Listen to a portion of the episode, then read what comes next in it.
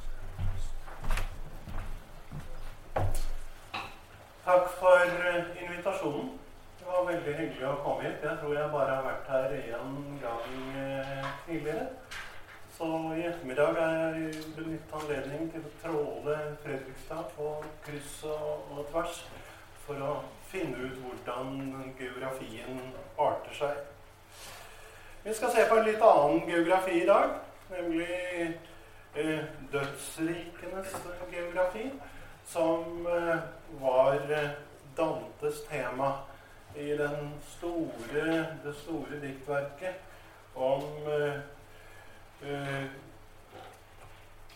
renselse og straff og belæring, som eh, altså begynner å bli temmelig gammelt. Og det er vel det som eh, er mitt tema i dag, Og prøve å forklare litt om eh, dette verkets eh, skjebne. For eh, det er ikke slik nemlig at man blir klassiker på et tidspunkt, og så feires man resten av historien. Når vi eh, snakker om Shakespeare, som vi jo nettopp har feiret eh, 400-årsjubileum for, eller Dante, som vi nettopp har eh, feiret 750-årsjubileum for, så sitter slike karakteristikker som udødelig og, og klassiker og verdenslitteratur. Slike karakteristikker eh, de sitter temmelig løst og er eh, velegnet til å skremme skolebarn fra å lese disse verkene som karakteriseres på den måten. Men vi som ikke bare er eh, opptatt av disse forfatternes historiske forutsetninger og deres litterære verker, men eh, som også er interessert i deres virkningshistorie, vet at Shakespeares, Dantes aksjer har steget og sunket med tidenes behov, med generasjonenes smak og med verkenes brukbarhet til eh, noe eh, nærmere formål. I min ungdom ville kanskje Goethe ha hørt hjemme i dette triumviratet, men han leses ikke lenger, og aller minst av sine egne landsmenn. Så en eh, klassikerstatus, en udødelighetsstatus, den eh, er altså eh, begrenset. Det fins ingen verdenslitteratur egentlig som er hevet over eh, historiske omskiftelser, som er hevet over geografiske sperrer. Og det fins heller ingen udødelighet som er garantert for all fremtid. Den klassiske kanon har også skiftet maske og besetninger. På Dantes tid var eh, f.eks. Statius den fremste av de romerske dikterne. I dag er det knapt nok eh, alle spesialister som har hørt om Tebaiden og, og Statius, som eh, Dante finner det nødvendig å frelse på etterskudd av dikterkollegiale grunner. Dante kunne både Vergil hans Eneide, eh, Homer og Statius utenat. Og Dantes fantastiske hukommelse gjorde han til eh, tradisjonsbærer langt utover det som forskningen ennå har oppdaget som lån eller henspillinger eller omfunksjoneringer av gamle tekster. En av grunnene til at Dante og hans diktverk ble forelest over mot slutten av 1300-tallet i Firenze, i Pisa, i Pistoia, i Siena, i Verona, var nettopp at komedien ble oppfattet som en gullgruve av lærdom. Det var eh, det begrepet middelalderen hadde om en bok. At den skulle være fullstendig. At den skulle inneholde alt mellom himmel og jord. Og det er selvsagt Bibelen som er eh, forbildet, også for eh, det vi kaller litteraturen. Han lager en slags encyklopedi, kunne vi si. Et leksikon over dyder og laster og synder og lidenskaper, affekter, allegorier og saliggjørende erfaringer. Men en av grunnene til at Dante får den oppmerksomheten som han får, også i sin egen levetid og umiddelbart etterpå, er at hans uh, skjebne ble knyttet til bysjåvinismen i Firenze. Hans overlegenhet over alle andre diktere det skulle angivelig speile Firenzes overlegenhet over alle andre bystater. Dantedyrkelsen, for det må vi nesten kalle det, i Firenze, den var oppriktig nok, men ikke stort mer saklig enn de patriotiske fornemmelsene som er knyttet til et lokalt eh, fotballpublikum i våre dager. Dante har, som eh, dere vet, han har uh, noen sannheter å fortelle hjembyen. Sannheter som hjembyen ikke gjerne vil høre, og som han ikke kan kvele med larmende patriotisme. Og Et eget kapittel av hans virkningshistorie er jo forsøket på å hente den landsforvistes jordiske levninger tilbake til hjembyen. Men de av dere som kjenner Firenze, som har gått gjennom Famedie, den samlingen av Firenzes berømte menn som ligger i grav på grav i Santa Croce i byen. De eh, vet også at hans plass i Santa Clauches Famedio fremdeles er tom. Han døde i Ravenna og ble liggende i Ravenna. Kunne det som har skjedd med Statius, som dere aldri har hørt om, og som dere aldri kommer til å høre noe mer om noe sted Kunne det som skjedde med Statius i tidlig moderne tid, også ha skjedd med Dante selv? Er det bare tilfeldigheter som har reddet navnet hans. Vel, Dante har vært glemt flere ganger. Slik Shakespeare også faktisk har vært glemt i mer enn 100 år. Men han hadde en egen evne, og diktverket hans hadde det, til å gjenoppstå på helt nye premisser. Altså på premisser som Dante ikke visste noen ting om. I klassisismens og humanismens storhetstid på 1600-tallet var Dantes uh, komedie mer eller mindre ukjent som dikterisk tekst. Jeg er boksamler og har en gang eiet alle Dante-utgavene fra den første i 1460 i Foligno og helt frem til napoleonstiden. Og jeg, Det jeg har lett mest etter, var ikke inkunablene, det var ikke 1400-tallstrykkene eller 1500-tallstrykkene eller de illustrerte utgavene. Men det jeg har lett mest etter, det var faktisk 1600-talls- og 1700-tallsutgaver av Dante. Hele komedien ble utgitt én gang på 1600-tallet og én gang på 1700-tallet.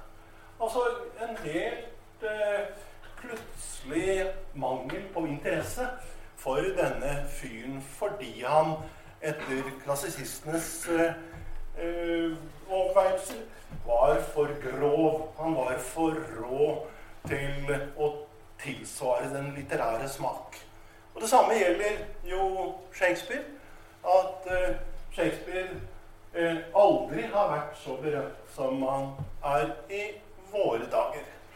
Han uh, hadde også en slik omtumlet tilværelse før han liksom ble løftet inn i verdenslitteraturen og blant de udødelige og klassikerne og hva man ellers kaller det. Ivrige filologer rekonstruerte det italienske volgare, altså talespråket, ved å, leksikalisere Dantes enestående ordforhold. Så noe av eh, interessen for Dante skyldes ikke det han snakker om, men det skyldes det språket han skapte for å si det han hadde på hjertet.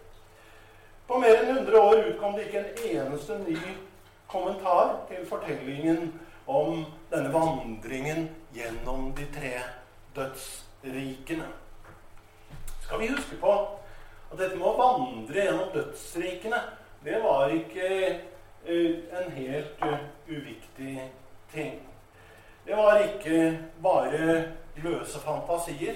Fordi man var vant til å tenke seg at uh, sannheten om verden og sannheten om hvert eneste menneske skulle dukke opp på dommedag. Så dommedag var, ikke, var liksom ikke slutten på livet. Men det var en, en avsløring av menneskenes og de enkelte menneskers verdi i Guds øyne. Nå er dette med Guds øyne kanskje litt strengt satt i denne sammenhengen, fordi Dante hadde mange politiske fiender, som dere vet. Han drev jo uh, veldig aktiv eh, politikk. Og ikke bare var han politiker, men han var en veldig uforsonlig politiker. Så han fikk mange fiender. Og de hender han seg på ved å plassere dem i dødsrikene på straffesteder og på renselsessteder og på belæringssteder, slik at alle skulle forstå hva de var verdt. Det er fordi han griper til denne fortellingen om dommedag. Han holder dommedag over sine fiender. Eh, så er det eh, nettopp der han eh, finner sannheten om dem. Selv blir han forvist fra Firenze. Det var slik demokratiet virket i, i, på begynnelsen av 1300-tallet. Det var en gruppering som satt med makten. Ja, Så ble den styrtet, og så ble alle sammen sendt i eksil. Helt til de som overtok makten, hadde gjort så mange tabber at de hadde fått befolkningen mot seg. Og så kunne eksiliantene vende tilbake igjen. Uh, og uh, fortsette som før så lenge det varte. Uh, Dante fikk også en reklame som dere skal være klar over, og som uh, faktisk er litt viktig. Når folk klager over at det var sensur i middelalderen eller renessansen, så skal dere ta det med en klype salt. For det var de bøkene som kom på Index Librorum Prohibitorum, altså de forbudt, listene om forbudte bøker, det var de folk leste. Eh, denne listen, som altså Kirken eh, da utga i fornyede utgaver eh, med jevne mellomrom, den har betydd enormt mye for utviklingen av eh, verdslig lærdom i vår verdensdel. For eh, de andre bøkene, de som, de som var tillatt, de leste man jo ikke. For der visste man hva som sto. Mens eh, de som var forbudt, ja, der kunne man møte nye tanker. Så sensuren var eh, helt mot sine intensjoner kanskje eh, det beste kvalitetsstempel en bok kunne få. Å komme på indeks betød ikke det samme som at man var glemt. For mange kompetente lesere var det den beste anbefaling et verk kunne få. Protestantene ja, de oversatte og leste Dantes De Monarchia om kongedømmet først og fremst fordi Kirken hadde forbudt den. Så dermed ble Dante gjennom denne, dette forsøket på å tilsidesette ham, blir han til en del av den moderne bølgen, kunne vi si.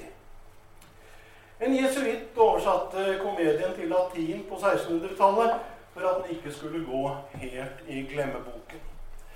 Men det var faktisk romantikken og det var oppdagelsen av det nasjonale som hentet Dante frem i siste halvdel av 1700-tallet.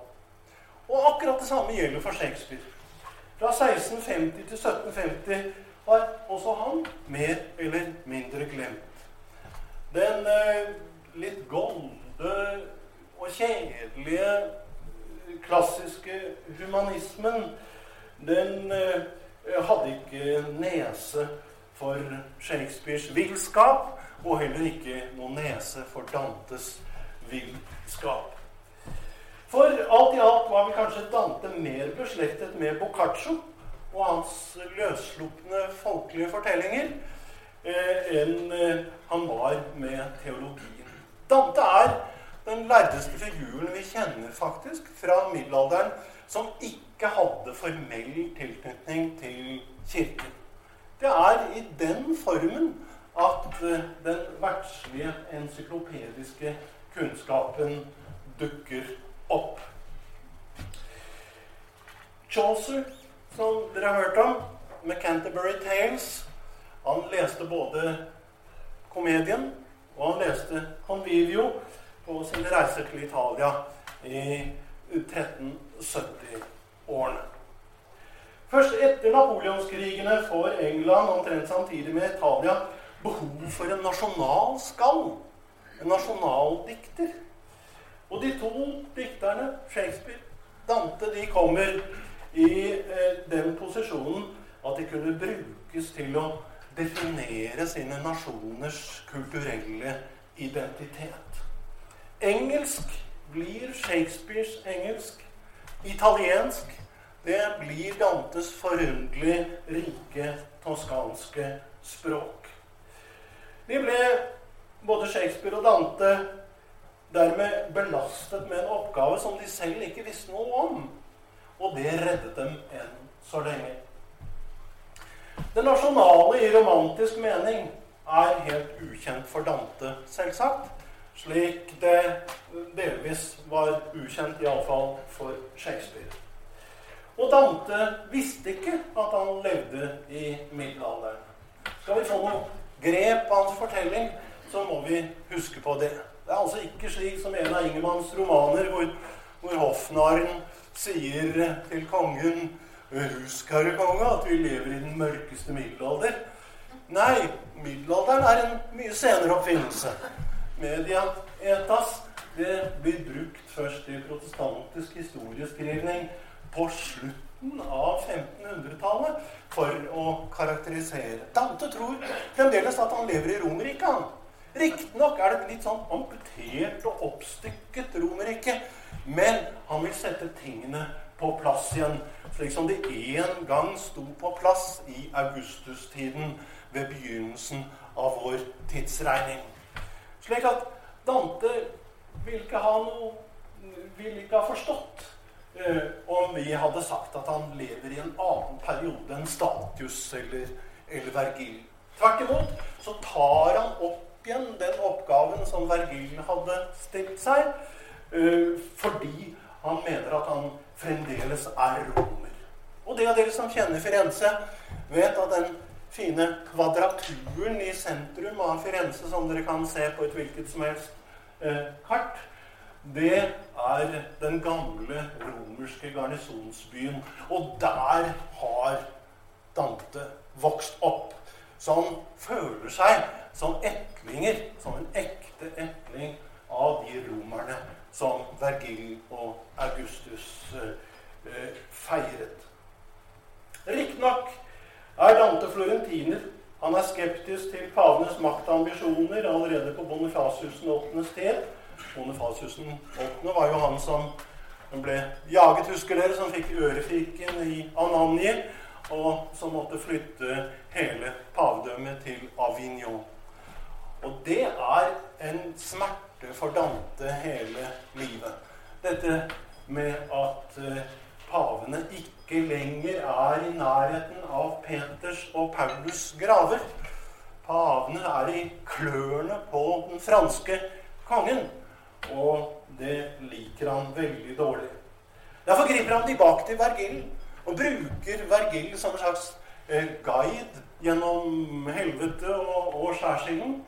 Eh, fordi han vil gjøre det samme som Vergil en gang gjorde.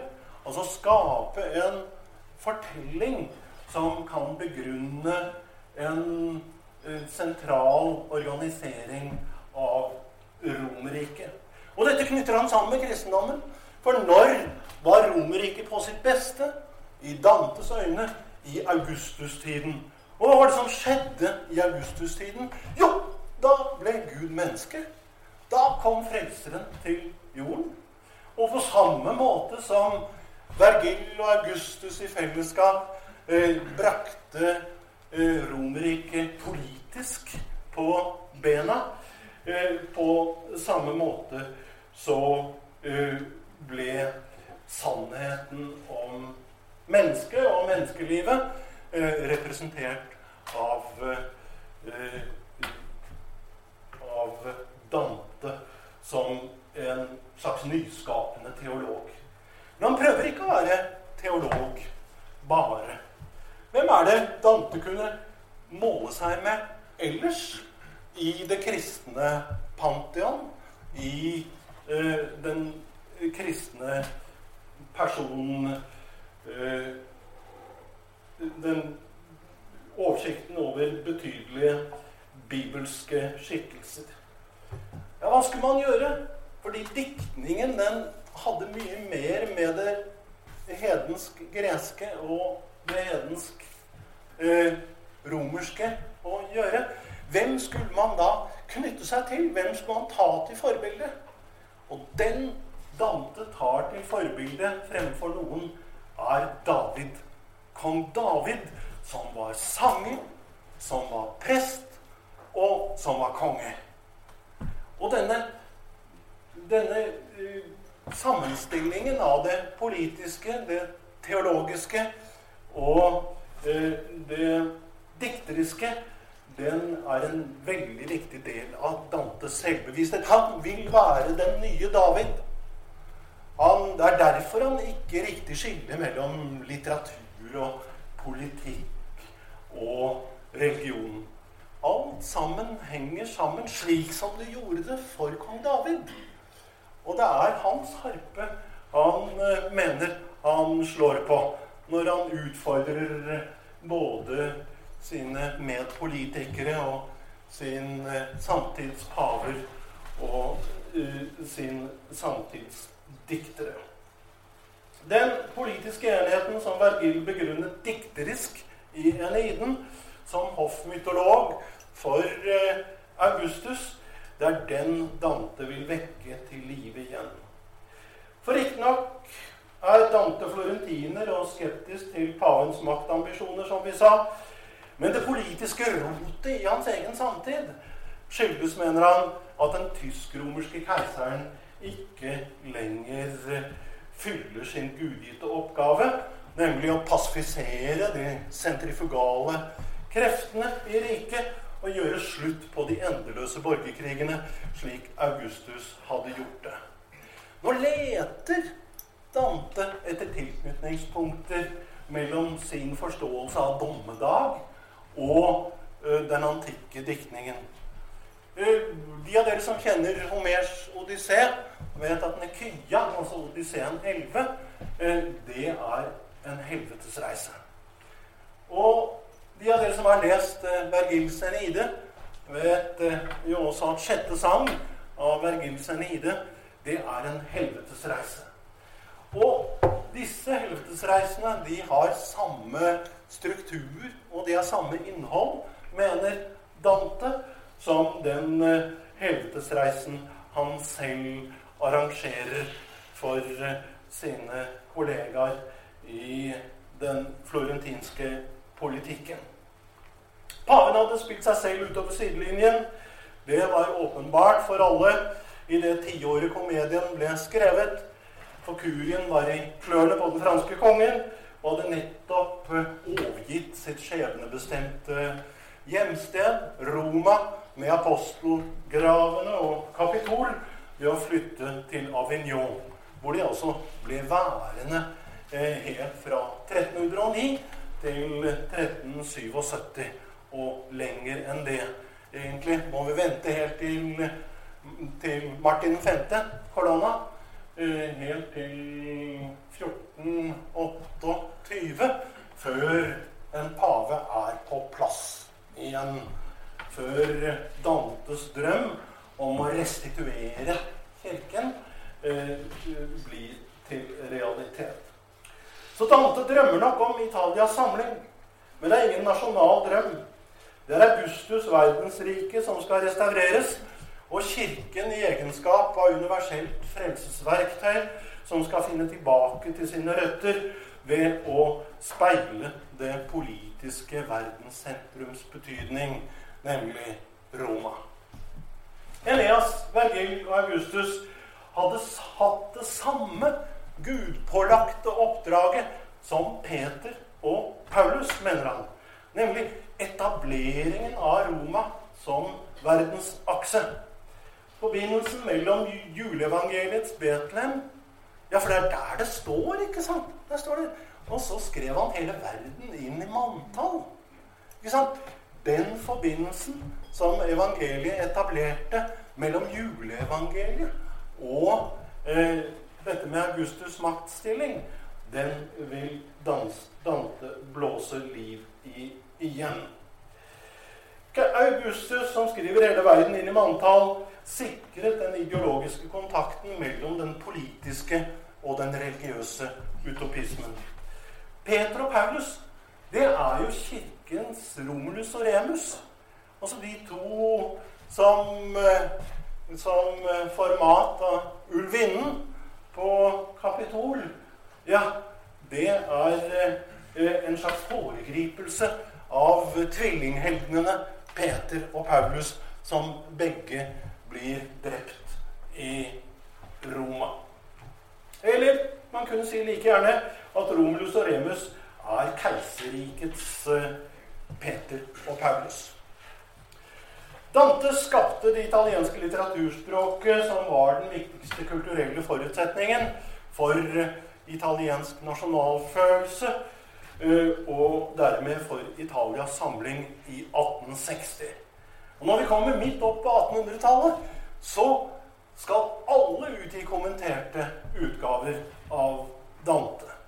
Da, der, er derfor jeg måtte slutte å samle på Dante-utgaver uh, fra senere tid enn Napoleonstiden. For da kom det tre kommenterte utgaver hvert eneste år uh, som en del av denne appellen til italiensk nasjonalfølelse og nasjonal identitet. Det som skjer med komedien, er noe av det samme som skjer med Luthers uh, bibeloversettelse. At uh, språkutviklingen liksom blir arrestert på et gitt tidspunkt av et verk som ikke kan overbys. Det italienske språket har i 600 år vært nesten uforandret til litterær bruk. Og det er Dante som lager dette språket. Dantes komedie var altså like viktig for den italienske eh, nasjonale identiteten og for italiensk språkhistorie som Luthers bibeloversettelse var det for den tyske språkutviklingen. Divina Comedia er et noe forvirrende navn, for det fins ingen humor i dette diktet. Komedie, hvorfor det egentlig? Latter er vel omtrent det eneste som ikke forekommer i komedien. Og man antar at Dante levde sammen med dette diktverket i minst 16 år. Og etter hvert flyter forfatter og verk sammen til et bilde. Kanskje også Dante opplevde det på den måten at han var blitt identisk med vandreren i diktets fortelling. For her er det mange finurligheter for dere som er opptatt av litterære subtiliteter. Eh, han eh, leker med, og gjør delvis narr av, eh, den skikkelsen som heter Dante, og som angivelig går gjennom disse tre eh, dødsrikene. Han reserverer seg overfor dette selskapet og gjør Dante som vandrer noe dummere enn det han behøver å være. Når vandreren Dante kommer hit eller dit, så, så sier han 'Hva er dette her for noe?' sier han. Han skjønner ikke riktig hva som foregår rundt omkring ham. Og det gir Dante som dikter anledning til å forklare hvorfor vandreren Dante er forvirret. Og det er noe av spenningen i hele diktverket. At han angivelig går in corpore, altså kroppslig, fysisk, gjennom eh, helvete og skjærsild og paradis, som ellers bare består av skygger. Men disse skyggene de males i temmelig klare og tydelige konturer, slik at eh, alle skal se hvem som er Dantes rettmessige fiender, og hvem han regner som sine venner. Dante var en av sin tids leiteste menn, og hans navn vil kanskje være alminnelig kjent i dag, også uten den store komedien. Men han representerer en lærdom sammenlignet med de store skolastikerne som er av et nytt slag. Han hadde altså ingen geistlige funksjoner, slik de fleste andre som skrev bøker i middelalderen. Han, Dantes lærdom er i prinsippet verdslig. Hans teologiske kunnskaper er en opplyst legmanns, og vel så det. Og Dante kjenner sin tids astronomi, geografi, kosmologi og optikk. Og trekker alt det han kan, alt det han har lest, alt det han vet, inn i diktet. Slik at det får en encyklopedisk karakter. Særlig tallspekulasjonene hans er viktige. Komedien består vi av tre deler. Eller Kantike, helvete og skjærsilden og paradiset. Og hver av disse består av 33 sanger pluss en innledningssang til første del. Og det gir 100 sanger til sammen. Det er ni kretser i helvete. Det er ni stadier i skjærsilden. Det er ni sfærer i himmelen. Og Beatrice, hans ungdomskjæreste, som blir til en frelsesfigur i diktets geografi Beatrice møter Dante i Purgatorio 30, og hun forlater ham i Paradiso 30. Leseren blir alarmert etter hvert, fordi man stadig oppdager nye tallmessige lurerier i Dantes konstruksjon av det usynlige.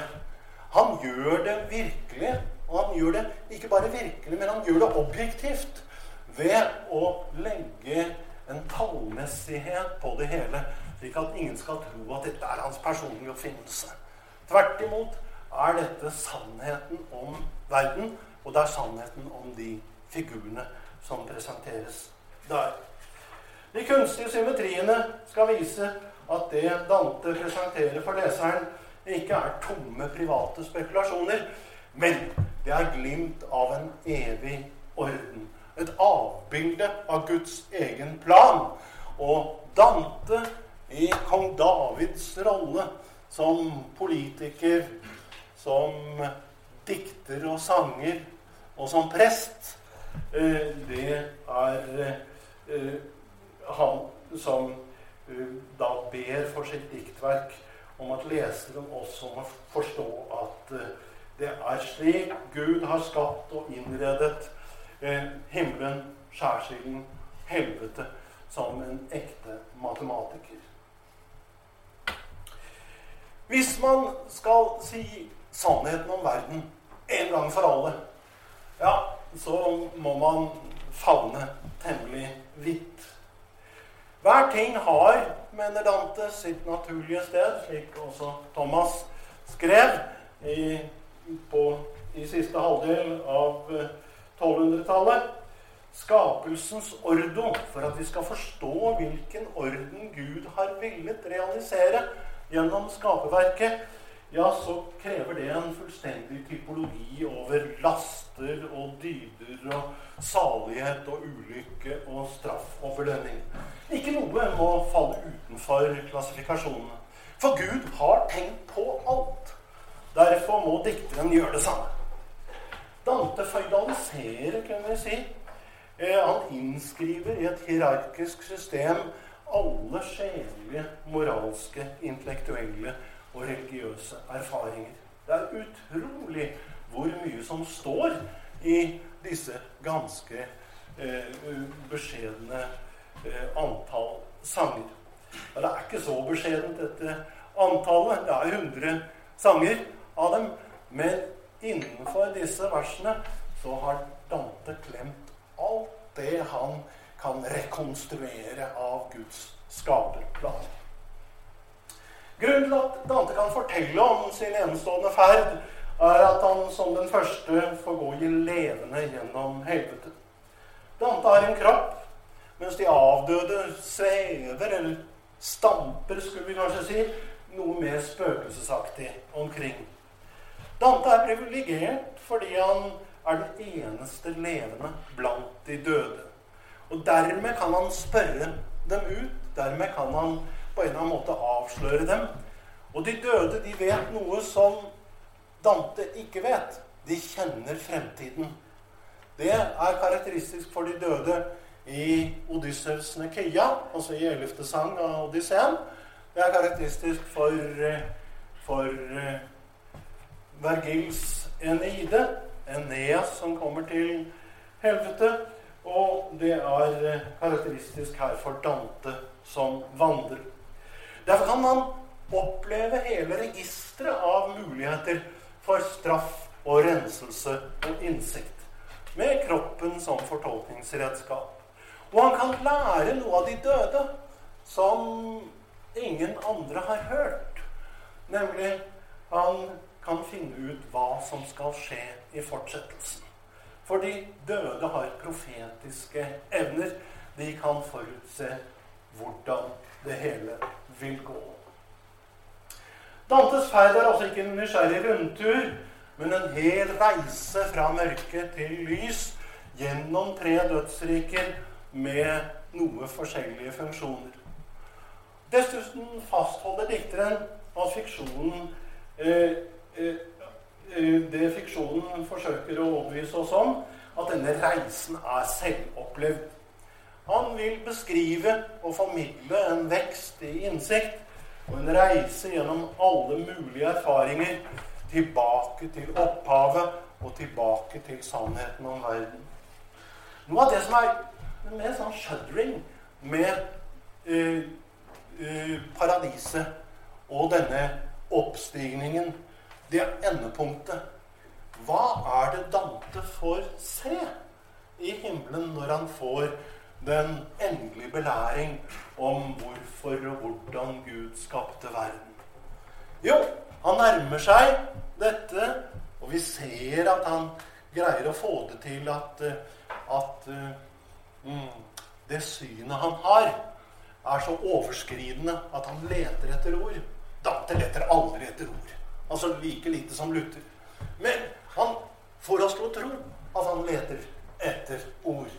Helt til han møter det som er eh, endepunktet for denne reisen. Han ser seg selv i speilet. Han oppdager sitt eget ansikt på høyden der hvor vi hadde ventet å møte Guds åsyn. Ikke sant? Der møter Dante sitt eget speilbilde.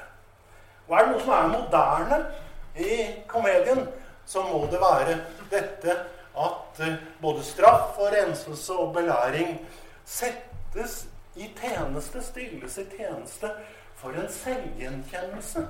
For en erfaring av at nå, når han har gått gjennom hele denne prosessen, ja, så har han blitt Dante slik han sprang i Guds tanke frem. Han er den restituerte Adam. Han er Adam som har lagt av seg alle syndene, som har lagt av seg alle sine laster, og som etter hvert har tilegnet seg så mye visdom at han kan gjenkjenne sitt eget bilde. Dette var jo Dante ikke helt uh, alene om. De av dere som kjenner den nordiske litteraturen, og den er uh, dessverre, får jeg si, langt på vei ukjent for dem som driver med eh, middelalderen ute i Europa. De av dere som har lest Apostelasøgur eller Heilagramanna-søgur eller Mariu-søgur, eh, vet at vi på norrønt faktisk eh, hadde dikt, og vi hadde fremstillinger som går den sentraleuropeiske en høy gang. Og vi har draumkvedet. Draumkvedet er jo nettopp et forsøk på å å fundere over de samme tingene med eh, dødsriket som utgangspunkt. Der får man avslørt sannheter som man ikke får avslørt i levende live.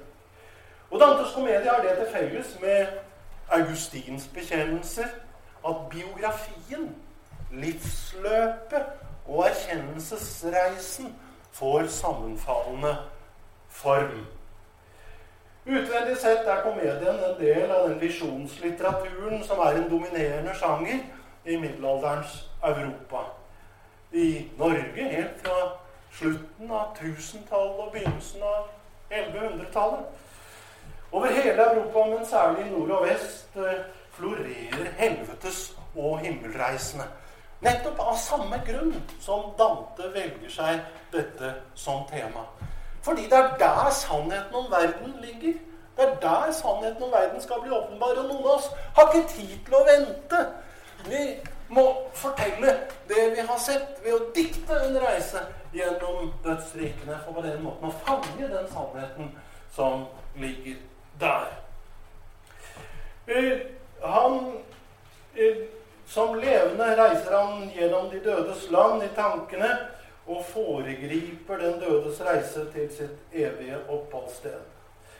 Slik er Dantes komedie konklusjonen på en lang og bred tradisjon.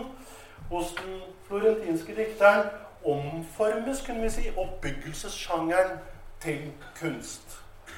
Når er det vi kan begynne å snakke om kunst, om litteraturen som kunst?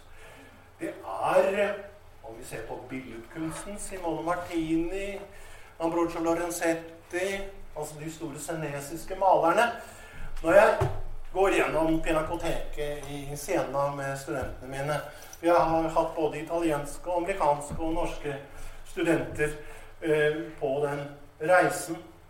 Eh, så er det noe som skjer omtrent samtidig med Dantes forsøk på å lage litteratur av de bibelske sannhetene. Nemlig disse madonnaene de, de blir liksom litt for fine. Og Vår Herre blir litt for kjekk. Og det er et eller annet som skjer som iallfall forteller meg at her har vi ikke en kunst som står i religionens tjeneste lenger. Men vi har faktisk en, en religion og et arsenal av religiøse motiver som står i kunstens tjeneste. Og det syns jeg Altså hvis man sammenligner da Giotto, som var Dantes nære venn eh, De var begge to tertiære fransiskanere. Dvs. Si de var så langt inne i den fransiskanske bevegelsen som man kunne komme uten å bli munk. Og hvis man ser på det som skjer i billedkunsten samtidig, og det som skjer i diktningen med Dante, så er det altså en liten flik av renessansen. Jeg har et fag hvor vi er litt opptatt av liksom, når slutter oldtiden? Når begynner middelalderen? Når slutter middelalderen? Når begynner renessansen? Men her er det noe som aldri har vært sagt før, og som, noe som aldri har vært hørt før på den måten. På samme måte som i Ambrosio Lorenzettis eh, bilder, i Giottos bilder, i Simone Martinis bilder. At kunstneren, i deres tilfelle, ikke dikteren, men maleren, eh, påtar seg et slags ansvar ved å si at vi kan også forvalte de sannhetene som Kirken forsøker å monopolisere. Han er, eh, om vi skulle overdrive det lite grann, han er først og fremst opptatt av dødsrikene som bilder. Han forsyner seg rett og slett av de tradisjonelle fortellingene som kunstnerisk stoff, som poetisk materiale. Det er eh, en religion som stilles i kunstens tjeneste, ikke en kunst som helt og fullt står i, i religionens tjeneste. Vi har jo en god del signerte verker i, i billedkunsten på 1100-tallet og på 1200-tallet, hvor det står et navn under, eller vi leser hvem det er som har gitt et bilde. Men det er aldri kunstnerens navn. Det er den som har betalt det. Det er den som har bestilt det. Det er han som får navnet sitt på bildene. Men her er det en slags profesjonskamp som Dante fører på diktningens vegne. Eh, slik eh, Giotto, Simon Martini, Ambrogio Lorenzetti eh, uh, kjemper den samme kampen på maleriets vegne. Dante er ingen uskyldig vandrer som senere beskriver redsler som han faktisk har sett. Dante er først og fremst versemaker. Det må man forstå. Han konstruerer selv en ferd og dermed et bilde av sannheten som aldri slipper et lekende, ironisk grep. Ironien er nettopp den kontrollerte selvbevissthetens kjennetegn. Dante er både vandrer og dikter i dette dramaet, som vi har sagt. Han er både hesten og den som sitter med tøylene. Dante forutsetter munkefantasienes grusomheter kjent, og lager et eget spill med velkjente kort. I motsetning til de irske munkene eller de islandske munkene eller de norske munkene, for den saks skyld, blir Dante aldri overveldet av sine egne fantasier. Han er dikter. Han vil være dikter. Og kontrollerer den billedstrømmen som han produserer for oss, kontrollerer den i kjølig distanse. Keiseren skal Det er den politiske siden ved hans eh, Davids identitet. Keiseren skal være uavhengig av paven og stå direkte under Gud, mener han. For loven ble kjød i keiser Augustus samtidig som nåden ble kjød i Kristus. Det var en vanlig oppfatning på Dantes tid at tilstanden fra Augustus' regjeringstid i tidens fylde måtte gjenta seg umiddelbart før verdens ende. Man kunne altså ikke håpe på dommedag før det var oppstått en analog situasjon som den som hersket i Romerriket da Jesus ble født. Og Det er litt morsomt med dette, disse dommedagsfantasiene. Fordi de er sterkt til stede på 1000-tallet, 1100-tallet, 1200-tallet. De er sterkt til stede, og de skremmer ingen. De, tvert imot så har mennesker alltid vært så overbevist om sin egen ufeilbarlighet og det at de fortjener tilgivelse for alt hva de finner på, at det var først og fremst de andre som skulle straffes. Så det var ingen egentlig sammenheng mellom eh, disse helvetesredslene Og leseren tvert imot, de godtet seg og tenkte nå skal de få! Endelig skal de få igjen på midt i fleisen, ikke sant? Sånn som man kan gripe seg selv i å tenke om naboer eller om arbeidskamerater eller, eller venner som man gjerne skulle bli kvitt. Slik at Undervurder ikke den der lettelsen som følger med fantasiene om dommedag. Tvert imot så man på dommedag som en mulig ny begynnelse. En slags restitusjon av rettferdigheten, som altså består i å realisere den orden som Gud hadde tiltenkt oss på jorden. Eh, den orden på ny. I høymiddelalderen så blir man trukket mot augustustiden med samme kraft som den som lå i ønsket om at Kristus skulle komme tilbake. Dette er helt grunnleggende for å forstå komedien. Og om man bare kom tilbake til augustustidens tilstander med pasifisering av borgerkriger, ikke sant, som uh, ble utkjempet så langt øyet rakk Om man bare kunne komme tilbake til augustustidens tilstander, ville nok også Kristus komme på ny for dommen. Dante er altså ikke pavens mann. Han er keiserens mann. Og han er opptatt av den kontrollen over viljene som bare keiseren kan utøve. Anarkiet i og mellom byene i Italia på Dantes tid skyldes at ingen lenger holder stramme tøyler, mener dikteren. Det er ingen enkeltvilje som maktet å skape en orden. Og denne botsgangen for å rense viljene er samtidig en forberedelse til politisk og sosial fornyelse i Dantes øyne. Dante er nok ingen individualist i den forstand at han spekulerer over den enkeltes frelse uten tanke på samfunnets tilstand. Eh, skjærsilden er jo nettopp fortellingen om hvordan friheten og loven velger hverandres selskap. Og i et politisk perspektiv er skjærsilden et sted hvor eh, mennesker lærer å leve sammen med andre. Dante vil vise at den enkeltes botsøvelser får politiske konsekvenser. Bare de som lever i håpet om å nå til paradiset, kan avfinne seg med hverandre i samfunnet, tror han. Dante var aldri noen teologisk tenker i den forstand at han ønsket å si noe nytt eller hadde et spesielt budskap på det rent teologiske området. Han kjente sin tids teologiske tenkning og brukte den hvor han trengte den. Men om vi spør etter Dantes prosjekt, hva var det han ville? Er det den politiske forkynnelsen som trer klarere frem enn den teologiske?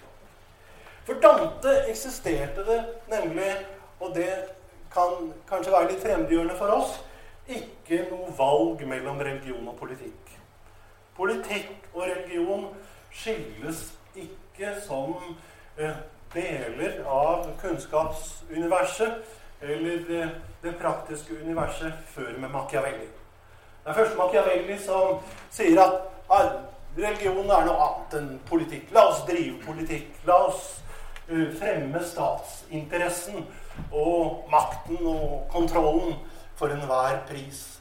Machiavelli er den som gjør den jobben med å skille mellom politikk og religion. Hvis man leter etter noe slikt hos Dante, så er man for tidlig ute. Han er 150 år for tidlig ute, rett og slett. Fordi for Dante er det sånn at eh, den religiøse og den politiske vekkelsen, om vi eh, den må skje parallelt, og den må skje i samarbeid. Eh, med de andre. Det er først Machiavelli som skaper et begrep om politikk som er helt uavhengig av teologiske begrunnelser.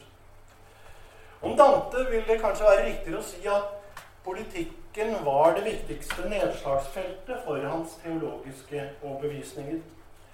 Han ser en nær og tydelig sammenheng mellom eh, frelse og politisk fred synd og politisk ufred. Og når hans teologiske forestillinger eh, konkretiseres, skjer det alltid i nær sammenheng med politiske roller. I sammenheng med, med sosiale tilstander og betingelsene for menneskelig samliv av enhver størrelsesorden. Gjennom hele komedien går det en åpenbar spenning mellom Dantes personlige velvilje, ja, hans beundring for flere av de innsatte, og den behandlingen de blir utsatt for i hans eget diktverk. Vandreren Dante tenker fremdeles i familie, i bysolidaritet, i vennskap. Vandreren Dante møter de fordømte som deler av sin egen livshistorie. Og bare langsomt, bare litt etter litt, skjønner han at ethvert menneske også blir tilvist plass i en større og mer objektiv orden som vandreren ikke umiddelbart begriper i utgangspunktet. Dikteren, og det er veldig viktig for ham, dikteren forvalter denne tilgangen til en objektiv orden. Til Guds eget system for straff og bot og erkjennelse. Og Det er det som egentlig er nytt hos ham.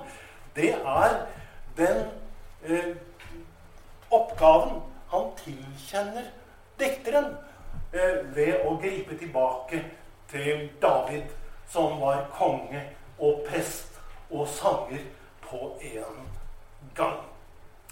Vandreren gjennomgår nettopp sin ferd og sin angst og sine prøvelser for å kunne vinne dikterens usentimentale blikk.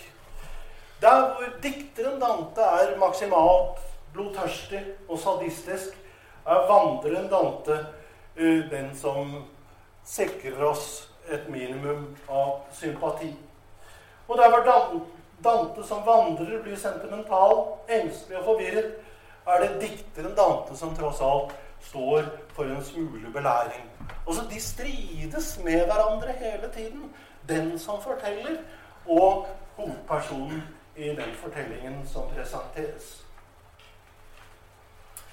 Dantes stolthet over sitt eget angivelige rome blod viser seg i hans valg av Vergil som lærer og veileder. I forbindelse med fredsrike tanken er Vergil en politisk skikkelse fordi han var Augustus' hoffideolog. Dante har ennå ikke funnet sin Augustus. Eller rettere, de som virket som om de kunne overta rollen, var ikke oppgavene voksen. Dante er fra en side sett en politisk forkynner på jakt etter en fredsfyrste som kan innordne bystatene i en større helhet og gjøre slutt på borgerkrigene, slik Augustus gjorde det.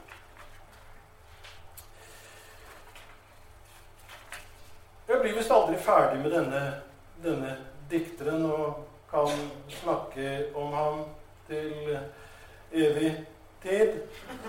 Men det er altså mm, Det er altså i en slags tilstand av politisk skuffelse at Dante skriver sin komedie. Derfor er politiske syndere så sentrale i Dantes forbryterkatalog. Helvete er særlig fylt av bystatens fiender og dem som har forrådt sine egne fellesskap. Tyrannene, ja, de koker i blod sammen med landveisrøvere. Og drømmen om et kristent verdensrike er selvsagt beslektet med ideen om kirkens universalitet. Den rettferdige fyrste, den nye romerske keiseren som kan pasifisere alle partistridigheter, har et oppdrag som er like viktig som pavens oppdrag, som han i siste hånd eh, fikk fra Peter. Synden er vesentlig en forbrytelse mot fellesskapet. Og helvete er nettopp et bilde av et korrupt samfunn hvor alle søker sitt eget. Helvete er citat dolente. Det er smertens by og viser et vrengebilde av hva en bystat skulle være. De som er trofaste mot partiet, men forråder byen, de som er reservasjonsløse i sin kjærlighet, men bryter ekteskapet, de synder fordi de undergraver fellesskapets ordninger. Jeg kunne fortsette med dette i lang tid. men det skal jeg ikke gjøre. Det jeg har lyst til å si litt om helt til slutt, er at Bibelen selv jo har svært, svært få bilder av dødsrikene. Man kan lese forgjeves. Hvor er helvete her, da? Eh, man kan lese både Gammeltestamentet og Nytestamentet, og det er ingen utmaning av helvetespinsler eller av eh, straffer og renselse og belæring. Den er eh, svært taus, Bibelen, på dette punktet. Og det gjør at Dante kan hoppe inn i en rolle som han føler ikke er besatt. Og som noen nå forteller hva som skal skje etterpå også. Og når Bibelen ikke forteller, så kan jeg fortelle det selv. Og der finner han sitt dikteriske oppdrag. Og det er der han uh, finner ut at her er det plass for en dikter. Og det som er riktig morsomt, da, hvis dere ser på dødsrikefremstillingene, som jo fikk puff fra uventet hold Svartedauden kom jo i 1347-48, ikke sant? Og dermed den dødens allestedsnærværenhet. Derfor blir Dantes ord blir faktisk eh, etter hvert det som inspirerer dem som eh, skriver eh, De som maler helvete. De som fremstiller svære domsscener, som den det finnes noen rester av i, i, på kirkegården i, i Pisa. Eller også i Santa Maria Novella i Firenze, i Santa Croce også. Så finnes, vi, har vi sånne store, flotte domsscener hvor de på dommens dag spretter opp av gravene. Og noen blir liksom føyset ned i ilden og til djevelen og hans kumpaner. Mens eh, andre får vinge på og, og reiser og setter seg på Abrahams fang. Og malerne, de skjønner poenget. Slik at de utnytter den samme tausheten i de bibelske tekstene som Dante oppdager. Og de bruker Dantes komedie som om det skulle være en bibelsk tekst. Eh, fordi den på en eller annen måte eh, bøter for eh, den tausheten om disse sakene, som også er svært viktige saker.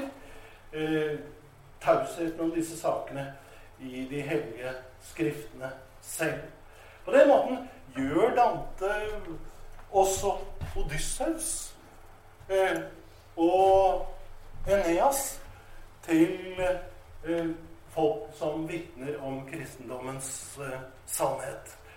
Fordi han griper fatt i dødsreisen i Odysseen 11 og i Eneiden 6 eh, og sier at ja, har ikke vi noe fortelling om hva som skjer etter døden? sier han. Og så bøter han på det med dette praktfulle diktverket som vil lese og lese så lenge historien varer, hvis man ikke da glemmer det igjen, slik som man gjorde på 1600 1800-tallet og 1700-tallet. Da får dere bare spørre meg om ting, for jeg må løpe ganske snart. Så hvis det er noe som er uklart, eller noe dere er uenig i, eller noe sånt, så svarer jeg veldig gjerne.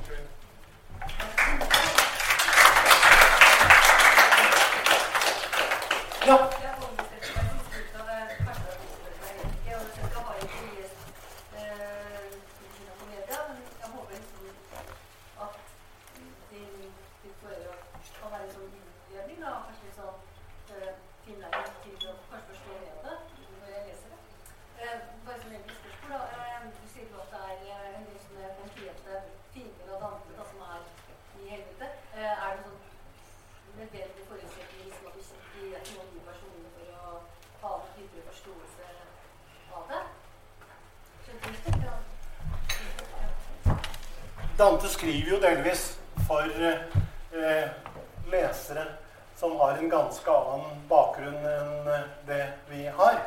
Hvor de selvsagte referansene er veldig forskjellige fra våre. Men eh, eh jeg syns ikke det er så veldig vanskelig å, å få med seg der hvor, hvor Dante befinner seg.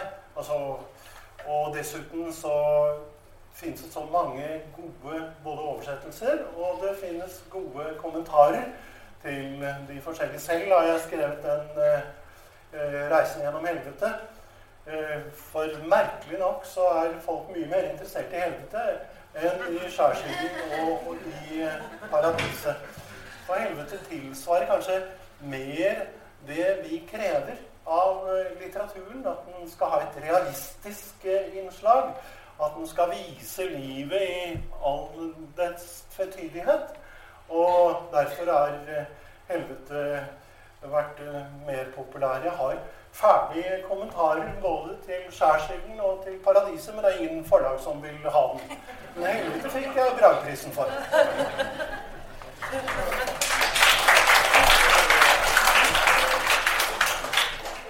Ja. Når det gjelder, altså Du sa at i Bibelen så er det jo ikke noe som er direkte skrevet om helvete.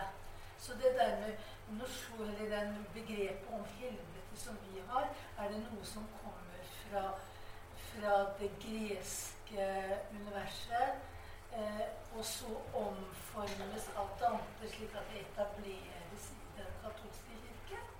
Eller var det der sånn før? Det er, det er, et litt vanskelig spørsmål, fordi helvete lurer seg inn på mange vis. Det er akkurat som man får behov for å vite mer om hva som nå er menneskenes endelige skjebne. Og når det behovet er der, så kommer fortellingene av seg selv. Og det finnes eh, også selvsagt noen hentydninger her og der som eh, kan brukes. Det som er morsomt med komedien, er jo at Dante selv hekter seg på de ganske få antydningene som ligger i de bibelske tekstene. For ned til dødsriket, stå opp fra de døde den tredje dag. Ja, Og så viser det seg at Vergil han har vært der, han. Han døde jo eh, før frelsen eh, eh for ned til dødsriket og stå opp fra de døde den tredje dag. Han hørte et forferdelig rabalder. Og så skal han forklare da, hva dette rabalderet skyldes. Med en som kom med en fane ned og hentet Abraham og, og alle de udøpte barna eh, opp til, eh, til, jorden. Slik at det er noen kroker man kan henge et diktverk på. Men det er ikke så mye at vi f.eks. Vi har ingen ikonografi om dødsrikene før Dante.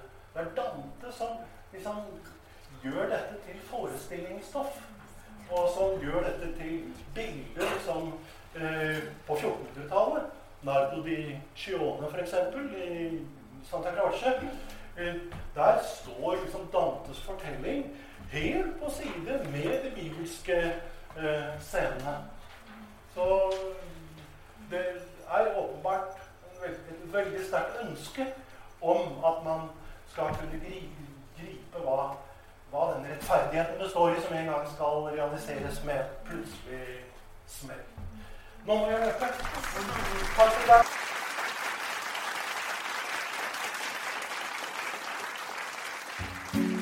Nå har du hørt en podkast fra Litteraturhuset Fredrikstad. For mer informasjon, klikk deg inn på litthusfred.no.